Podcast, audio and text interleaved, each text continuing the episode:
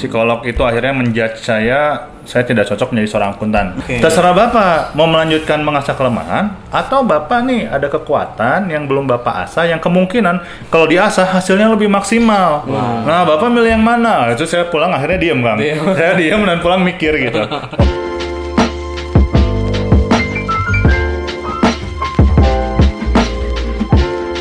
Selamat di Ngasah Ngasu. Akhirnya, Kang Purwa Kang Wildan di tengah-tengah kita ada seseorang yang ganteng, tapi salah jurusan. tapi nggak tahu arah, nggak tahu arah awalnya hidup mau ke mana. Coba bayangkan teman-teman orang seganteng ini.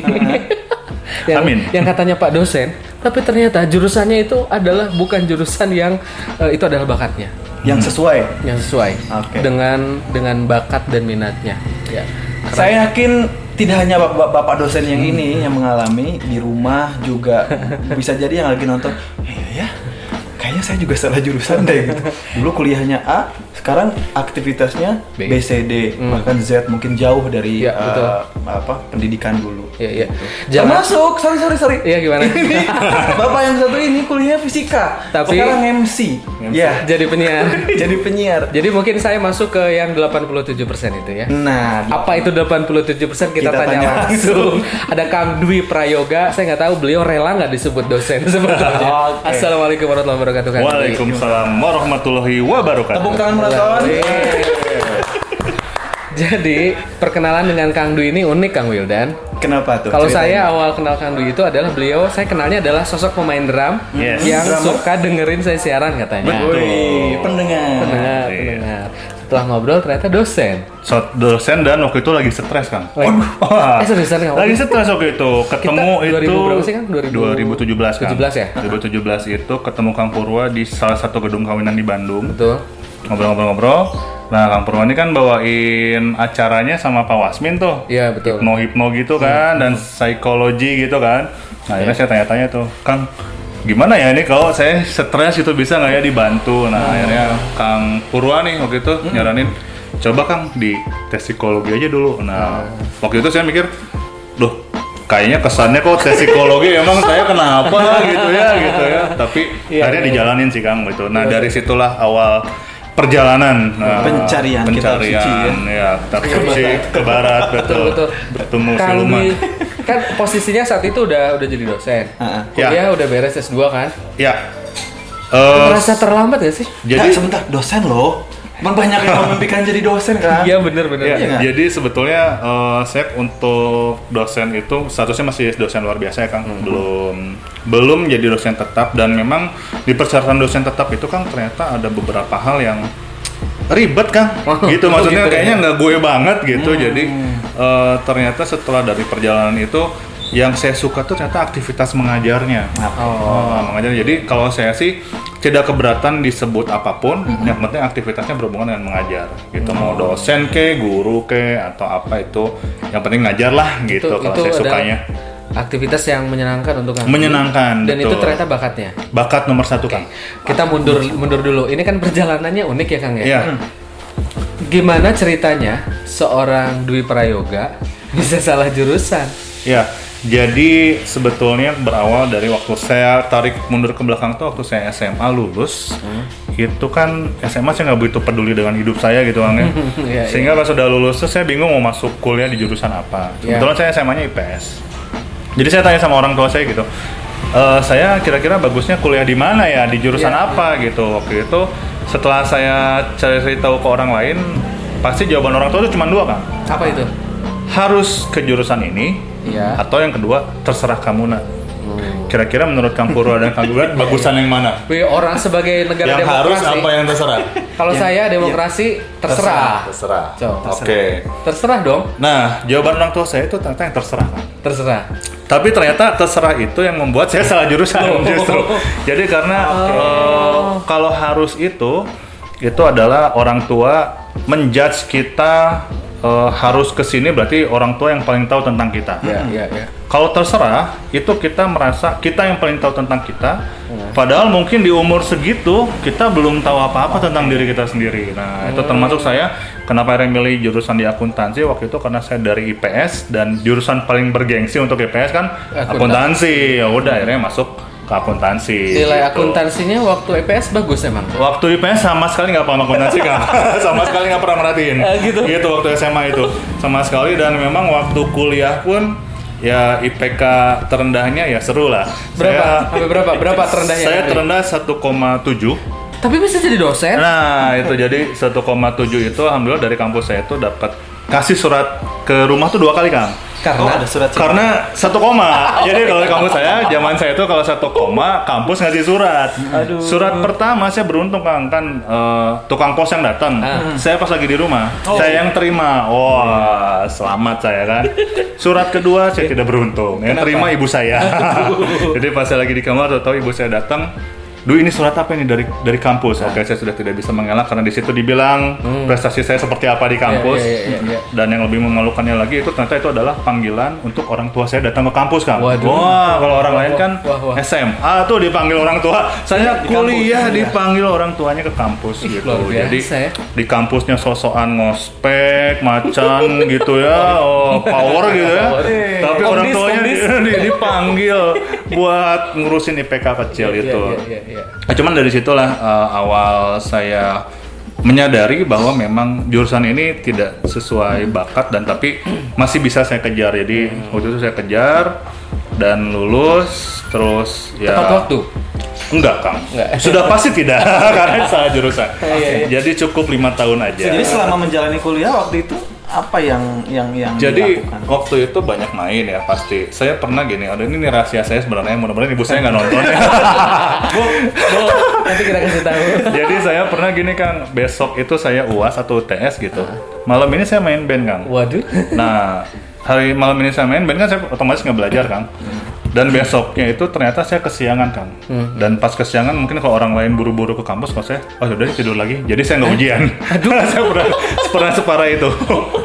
gitu dan ya udah akhirnya perjalanan itulah yang bikin eh, saya sampai di sadar-sadar salah jurusan itu waktu udah di mata kuliah Advance 2. Advance 2 itu? Advance berarti 2 tuh ma- semester terakhir. semester terakhir. Semester terakhir itu saya kayak ngerasa saya selama kuliah belajar apa aja sih? Kayaknya kok saya nggak ngerti apa-apa ya gitu kan. Kayak yang baru ngerasa, oh kayaknya gue nggak nggak mestinya nggak di jurusan ini nih gitu. Tapi udah di Advance 2 mau ngapain ya udah akhirnya diterusin Diterusin aja. diberesin. Kalau bakat eh, aktivitas bermusik tadi Kang, Ya. itu memang dari dari sebelum kuliah Betul. memang udah suka. Ya, jadi bermusik itu kebetulan dari SMP kan, memang suka bermusik, lanjut SMA, eh, kuliah masih lanjut dan setelah kuliah baru menjadi sempat sempat menjadi profesi. Hmm, iya iya iya. Oke. Tapi ngerasa musik itu jadi bakat sih? Nah, jadi ternyata gini Kang, eh, akhirnya dari perjalanan inilah eh, ternyata kadang kita tuh so tau loh Kang sama diri Iya, kita.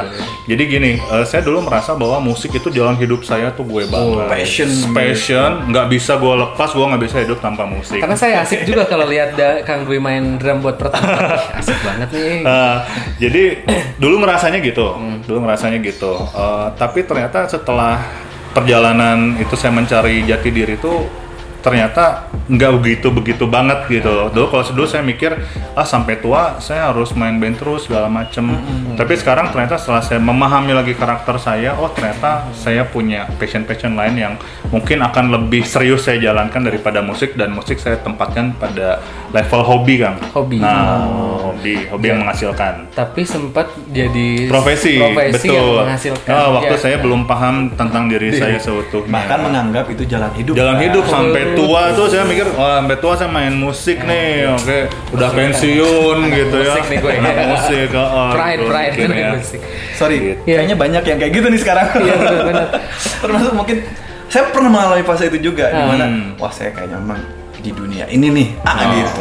Gue banget gitu. Hmm. Ya. Tapi ternyata setelah menggali-menggali lagi, kayaknya kayaknya passion ini malah yang jadi yang jadi eh, men- apa ya nggak bisa ke mana-mana gitu jadinya. Hmm. Bahkan eh, jadi menderita dengan dengan passion sendiri kan jadi bahaya sebetulnya Iya, betul betul. gitu. Seolah-olah passion, Kang. Iya. Tapi ternyata bukan. Ternyata bukan. Jadi kita kadang sok tahu sama tahu diri kita tadi ya. sendiri. bahkan katanya kan Iya. don't follow your passion ada bukunya Oh, kan ada. Don't follow your passion. iya karena Terus ternyata hidup apa? itu bukan tentang passion katanya Hmm. Oke. tapi tentang peran hidup Hmm. mau berperan Oh. sebagai apa dalam hidup termasuk Betul betul. ini yang akan kita gali dari Kang Dwi sebe- sebetulnya Hmm. karena tidak semua orang memahami peran hidup ini Hmm. ya karena bisa jadi kalau ditanya peran hidup masih pa- pasti pada bingung Hmm. kalau passion mungkin punya nih wah passion saya di sini musik misalnya atau Betul, apa betul. tapi ditanya peran hidup kadang-kadang orang masih mikir Hmm. nah gimana caranya kita tahu itu sebetulnya dan kalau bicara tentang mengetahui itu pasti mengetahui tentang jati diri sendiri dong ya Hmm, betul. Kang Dwi adalah seorang akuntan yang salah jurusan. Akhirnya menemukan passionnya berarti di usia berapa Kang? Tiga. Wah, di atas 30 pokoknya. Di atas Kang. 30 pokoknya, Di ya. atas 30 setelah 10 tahun berkarir. Apakah itu terlambat di usia gitu terlambat gak sih kan 10 Ya, tahun eh. Jadi Kang. kalau versinya psikolog yang saya datangi Ya. masih sempat Kang. masih sempat Jadi kalau kata Jack Ma itu nggak boleh ganti peran itu di kepala empat. hmm. Nggak boleh ganti peran di kepala empat. Ah, Oh, iya. Karena udah terlalu terlambat untuk memulai sesuatu dari nol. Hmm. Tapi kalau di kepala tiga masih oke. Nah jadi saya memilih untuk berbelok arah, memberanikan diri walau deg-degan Hmm. dengan dengan beberapa resiko. Eh, ketika mencari itu Kang, di proses mencari itu eh, kan udah ketahuan tuh risikonya apa Iya. saja. Ya. Gimana tuh Kang cara cara berdamai dengan diri dengan Ya. risiko-risiko yang udah kelihatan? Sebetulnya kalau pertama sih kalau bagi yang sudah punya pasangan tentu bicarakan dulu dengan pasangan ya bahwa kesalahan dari kita memutuskan di jalan ini tuh akan pengaruhnya sejauh apa di masa depan. Karena saya berpikir waktu itu jauh kalau ini saya teruskan dan saya makin banyak pekerjaan soal ini gitu soal bidang ini potensi stresnya akan lebih tinggi dan saya berpikir nanti ketika saya ada anak anak bertambah atau seperti apa nanti saya pulang ke rumah dalam kondisi tidak happy pusing segala macam itu bahkan eh, dampaknya lebih buruk daripada kalau saya belok sekarang dan perih-perih dulu sekarang gitu. Nah jadi mungkin itu saya jelaskan seperti itu dulu ke pasangan. Pasangan oke. Nah memang PR berikutnya adalah kita sebagai yang merasa salah jalan nih mencari jalan yang betul itu memang butuh kesadaran kejujuran dan keberanian. Tiga hal ini sih kang yang Sadar. susah jujur berani Oke, sadar, jujur, berani. Iya. Tidak edit ya kan? Sadar, jujur, berani. gitu, gitu. gitu Prosesnya gimana tuh Kang? Kan tadi waktu kita ketemu ya, Iya. dengan Kang Dwi ketemu di sebuah acara pernikahan, Kang Dwi main musik, saya MC. ya Itu apakah jadi satu titik awal juga Kang Dwi yang tes psikologi talent mapping itu? Ya, eh, jadi sebelumnya kan dari Kang Purwa merekomendasikan psikolog Padahal secara sudah 10 secara tahun. hasil tes betul. Waktu itu saya protes tuh ke ke Bu Lilis kalau kalau ibu nonton. Eh, terus saya bilang Bu, saya gimana mungkin eh, apa tidak cocok orang saya sudah bertahun-tahun dan saya menghasilkan katakanlah penghasilan dari sini gitu ya. Tapi ya Bu Lilis waktu itu bilang bahwa manusia itu punya kekuatan dan kelemahan. Yang selama ini Bapak asa adalah kelemahannya. Oke. Terserah Bapak mau melanjutkan mengasah kelemahan atau Bapak nih ada kekuatan yang belum Bapak asah yang kemungkinan kalau diasah hasilnya lebih maksimal. Nah, Bapak milih yang mana? Itu saya pulang akhirnya diem, Kang. Diem. saya diem dan pulang mikir gitu. Oke, itu. Tadinya mau ngedebat ya? Iya, akhirnya tadinya mau protes gitu. Protes. Gua dibayar gitu ya. tanggung jawab dong gitu. Oh, kan? Gua kerja accounting pusing-pusing dibayar mahal masa nggak cocok Iya, iya, gitu iya, kan. betul, betul. Nah, udah akhirnya pulang ya dari situlah saya mulai berpikir. Nah, itu saya tadi pakai rumus tadi sadar jujur berani saya mulai sadar Oke, saya sedang di posisi tidak tahu jalan. Hmm. Saya tidak tahu, saya tersesat dan saya nggak tahu ada di mana dan mau ke mana gitu. Hmm. Jadi pertama sadar dulu posisi kita ada di mana. Oke, ketika saya tahu bahwa saya ada di posisi tersesat, maka kedua saya jujur Jujur. jujur dulu sama diri saya. Oke, saya akhirnya mulai eh, menggali gitu. Oke, Dwi, kamu maunya apa sih? Oh, kamu seneng gini ya. Oh, kamu seneng ya kalau tampil. Oh, kamu seneng ya kalau ngomong. Itu saya jujur dulu, Kang. Jujur sampai ke titik jujur. Idealnya saya pengennya hidupnya apa sih? Oh, saya maunya nggak ngantor, Kang. Saya nggak mau eh, 8 to 5 tuh saya nggak mau. Oke, saya jujur. Oke, ya, nggak suka ya. Pagi-pagi harus berangkat, nggak suka. Oke.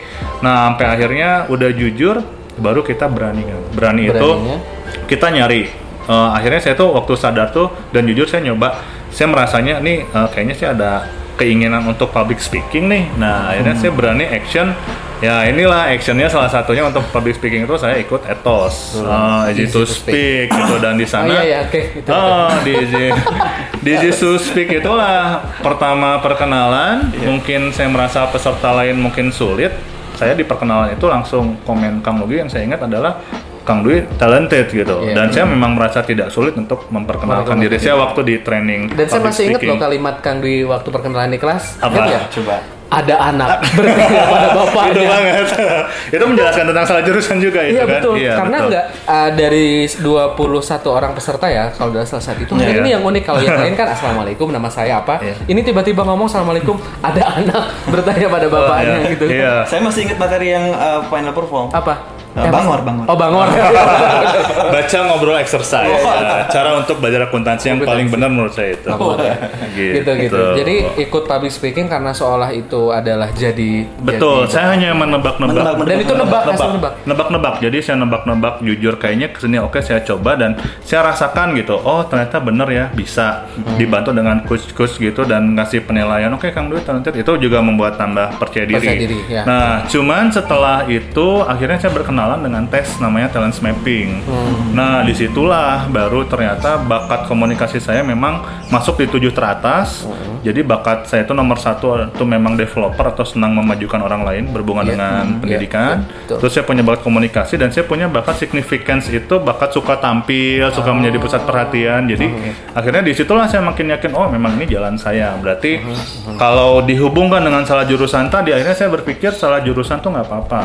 Mhm. Cuman peran yang sekarang kita jalankan yang jangan salah. Jurusannya salah, oke akuntansi. Tapi peran saya, saya tuh ditugaskan sama yang di atas untuk mendidik dengan cara berkomunikasi dan tampil. Oke, berarti saya tampil dan berkomunikasinya ngomongin apa? Ngomongin akuntansi. Akuntansi. Karena di situlah pengalaman saya. Nah, Iya, jadi iya, ini yang sekarang sedang saya rintis uh, untuk membangun uh, kelas-kelas accounting, uh, termasuk les juga. Dan alhamdulillah saya bantu-bantu UKM itu saya lebih happy daripada waktu saya ngurusin perusahaan-perusahaan besar gitu. Padahal kalau dari kecil lebih besar itu ya. Iya, sebenarnya kalau dari penghasilan ya mungkin saat ini karena merintis belum belum Iya, sebesar iya, dulu, cuman Iya, iya. happy-nya beda Kang gitu. Ketika pulang memajukan orang lain tuh lebih dapat bagi saya. Nemu ya perannya ya. is- istilah yang penting happy itu bisa ada benarnya juga. Ya, Iya, betul. happy. Happy, happy. Karena salah satu indikator kita ngerasa kita nih salah nggak sih profesinya itu dari happy enggaknya. Oke. Nah, kalau mau tahu nih, saya saya oh, saya berbakat nggak sih Kang di profesi ini? Oke. Sekarang pertanyaannya bisa, kamu Bisa happy nggak? Ah, tanya lu happy nggak? Enggak sih. Ya, mungkin Ya udah. ya udah mungkin mungkin bukan udah. Bukan. Simpelnya gitu ya. Iya iya iya. Gitu. Nah. Dan untuk jawab happy iya atau tidak kan perlu yang kedua tadi jujur. Ya, jujur, betul. Jujurlah padaku, ya. Betul. Nah, kan kita pengen belajar juga dari Kang Dwi. Eh, eh, Teman-teman juga mungkin pengen belajar tidak hanya dari pengalaman, tapi bagaimana talent mapping ini. Sekarang Kang Dwi, Kang Dwi juga kan Ya, praktisi, betul. Praktisi menjadi praktisi. seorang apa namanya istilahnya? Uh, talent mapping practitioner, cuman saya suka bilangnya konsultan tes bakat juga Konsultan menggunakan talent talent mapping uh, toolsnya. Nah, kasih gambaran dong buat kita. eh, pertama mungkin menganalisis, menganalisa apakah Hmm. kita salah jurusan. Hmm. Eh, terus kemudian gimana caranya kita menemukan Ya. dan sebagainya.